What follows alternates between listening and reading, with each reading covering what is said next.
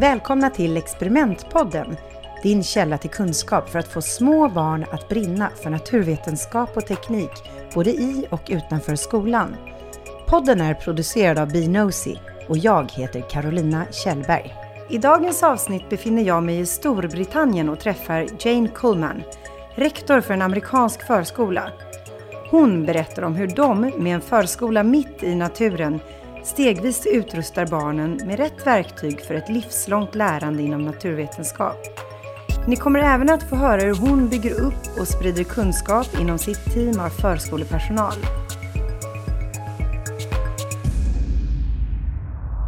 Hi Jane, it's so nice to be here today in this lovely environment. Can you please uh, just let um, those who haven't met you yet uh, hear a little bit more about who you are? Thank you very much um, for the opportunity to talk about um, our program and um, about children. Um, my name is Jane Coleman. I'm the early childhood principal at ACS Cobham International School in um, Cobham, England.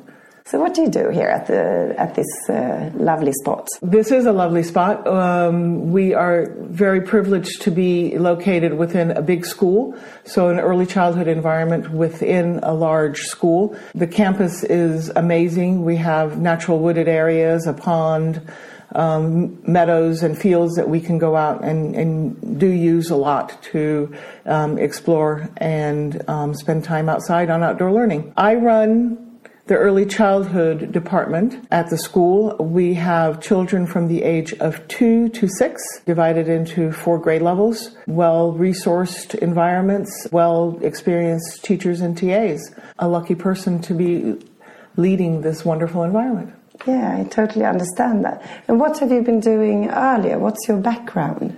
My background is I am Danish, but I grew up in Brazil um, studied in an American school in Brazil, which explains my American accent. But I have been here at ACS for about 28 years, so a long time. My background in terms of teaching is I have gone through the normal teaching uh, background, but I also have a Montessori background where I first got excited about science. And I think what excited me about the Montessori approach to science was very much the hands on um, and a very practical way of, of leading the children to discover um, the world around them.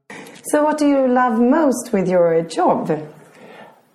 I, the part of my job I like the most is actually um, hearing about students and learning about the, what students are accomplishing. So, walking through the classrooms and, and seeing the children um, engaged in what they're doing. I also enjoy working with, with the staff and trying to make sure that their professional development is up to speed.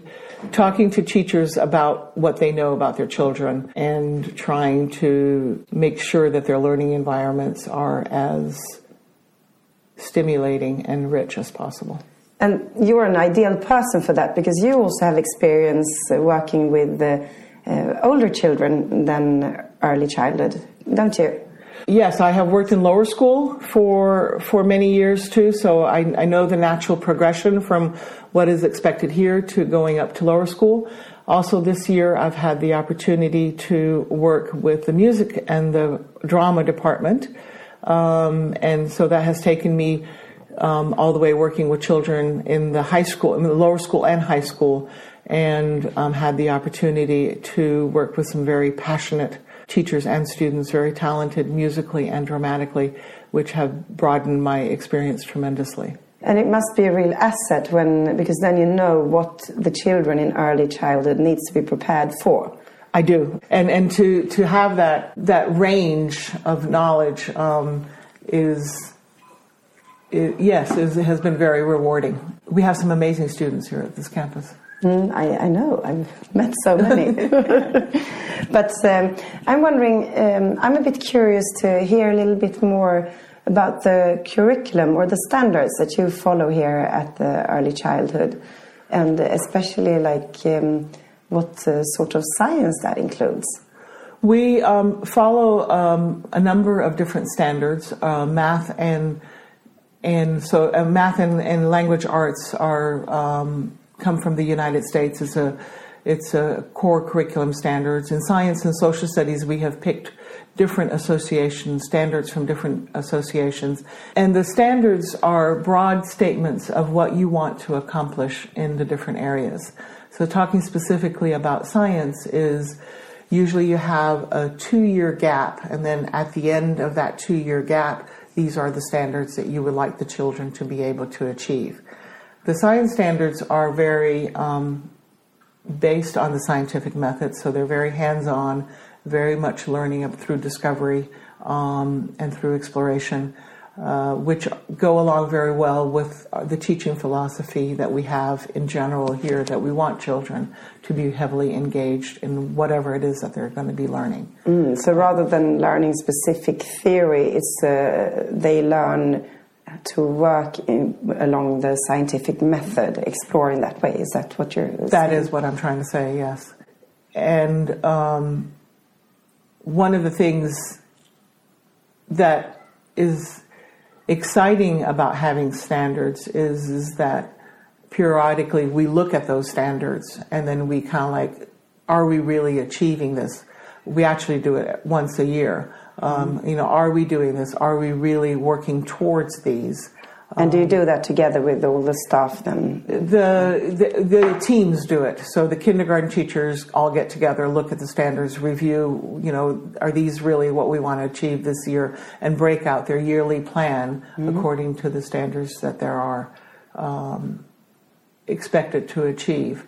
And because some of them are in a two year cycle, so you might have to break them down into phases. So, you know, if by the end of kindergarten you want them to be able to do this, well, what do they need to be able to do in pre K in order to achieve that in kindergarten? So it's, it's, it's a good piece of work to do. Mm. And it's, it's one that we try to spend some time in the beginning of the year always trying to do. Okay. Um, Great. So then you have a good way of working. Uh, we try. we try. We try. Um, of course, many times practice life comes in and it doesn't happen as quickly as you want it to do it, but it is definitely something that we try to achieve and um, in all the, all of the different areas.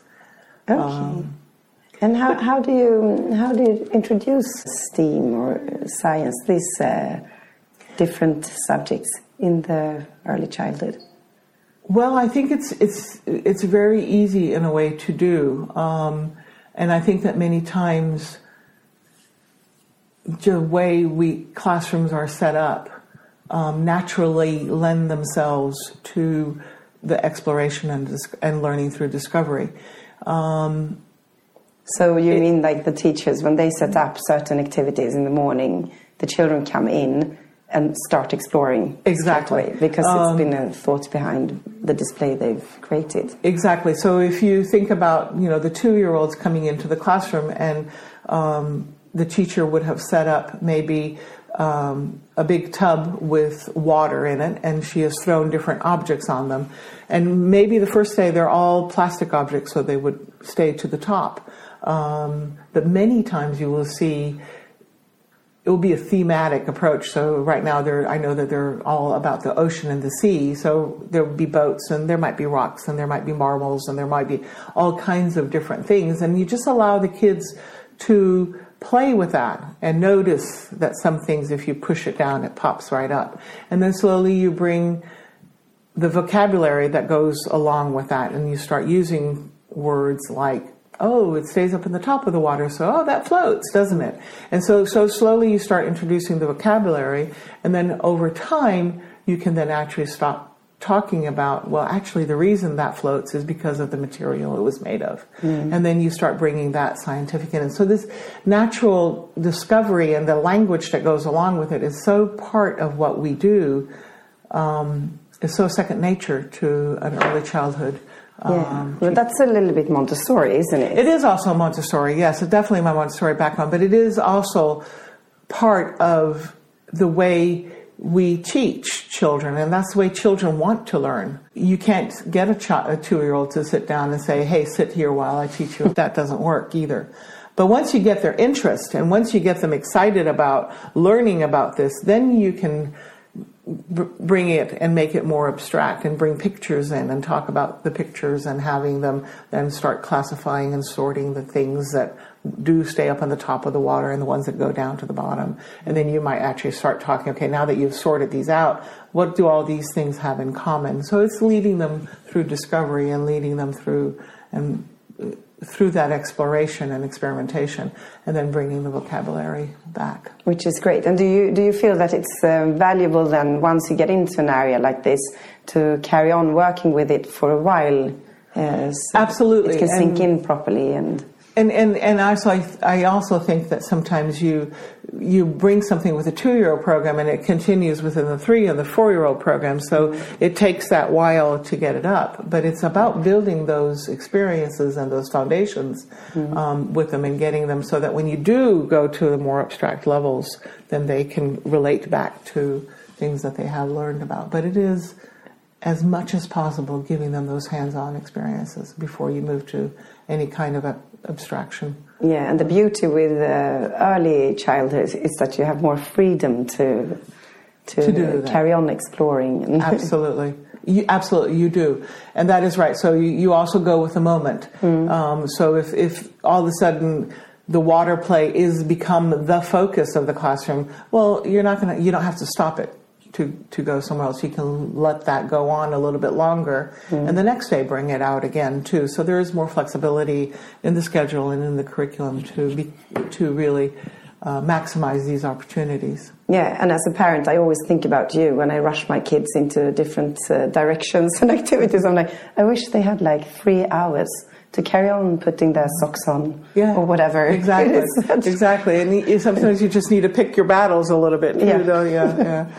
Um, no. But children are naturally curious, and it is about tapping into that curiosity mm. and and really putting exposing them to the different elements of nature of life and and giving them those opportunities to classify and sort them and really learn more about what it is that they're experiencing. Yeah, and it sounds uh, like a great way of doing it. But then I'm a little bit interesting, interested in uh, how you do with the staff, then with the teachers, because I can imagine that some have more uh, knowledge about the STEM than others. Um, how do you ensure that those who don't uh, feel confident enough to lead the children into these different tracks that you've been talking about?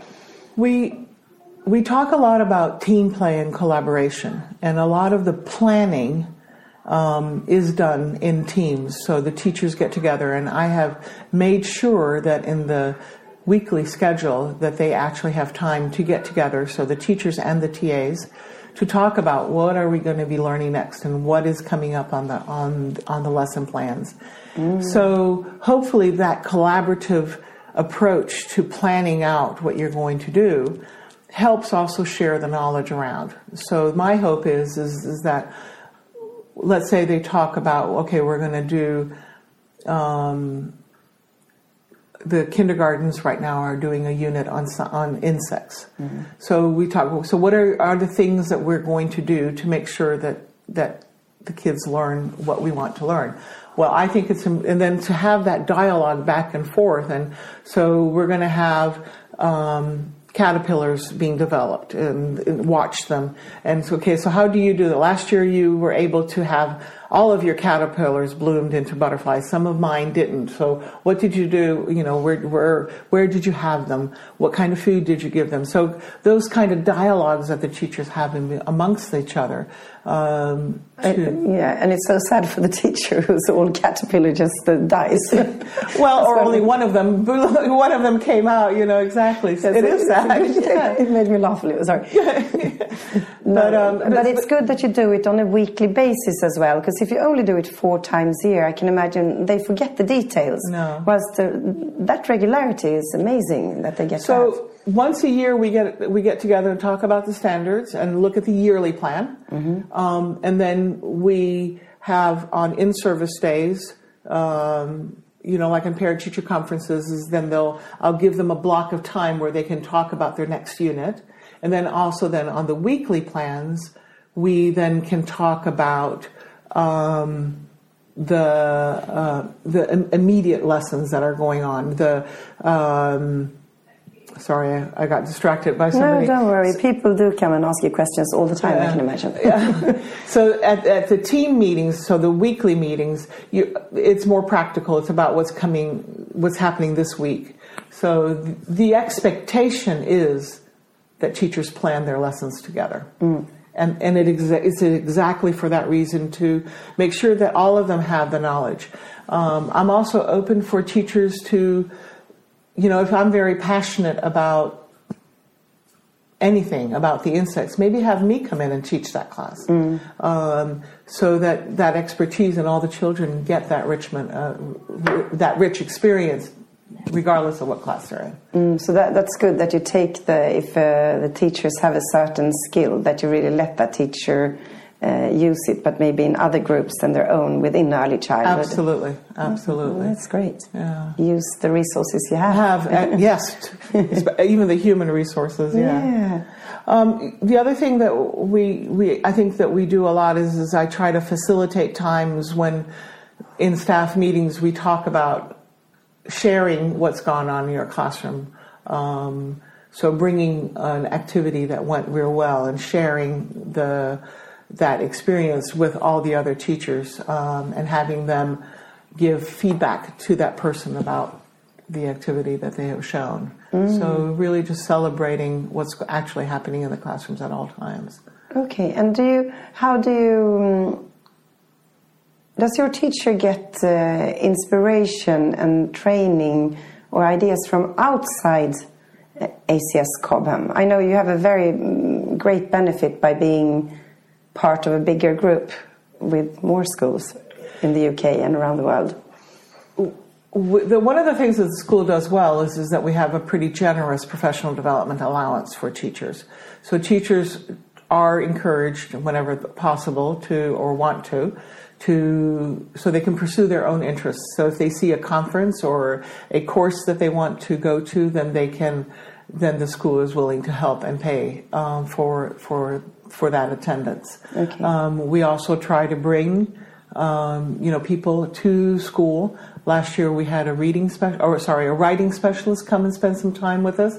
That's why I'm so excited to bring you on to to to share and get us excited again about uh, about science because I think we all get busy in our day to day and getting that boost of of information or energy or um, enthusiasm from a different topic or a different person I think is important so having professional development at school or going to professional development um, I think is important So That's lovely for the staff. But then when it comes to you, where do you seek your inspiration? I mean, it doesn't have to be only conferences. Maybe you also have um, papers, journals, or Facebook groups. Um, we do do a lot of reading. Um, we also get together um, with other principals, um, the the principals across the school. We we get together and talk a lot about you know what's going on in your classrooms or what's going on in your schools. Um, and then you mean the other ACS the ones other in the ACS UK? schools we meet um, every two to three months. Oh, okay, we that's have we're actually getting ready to meet next next week.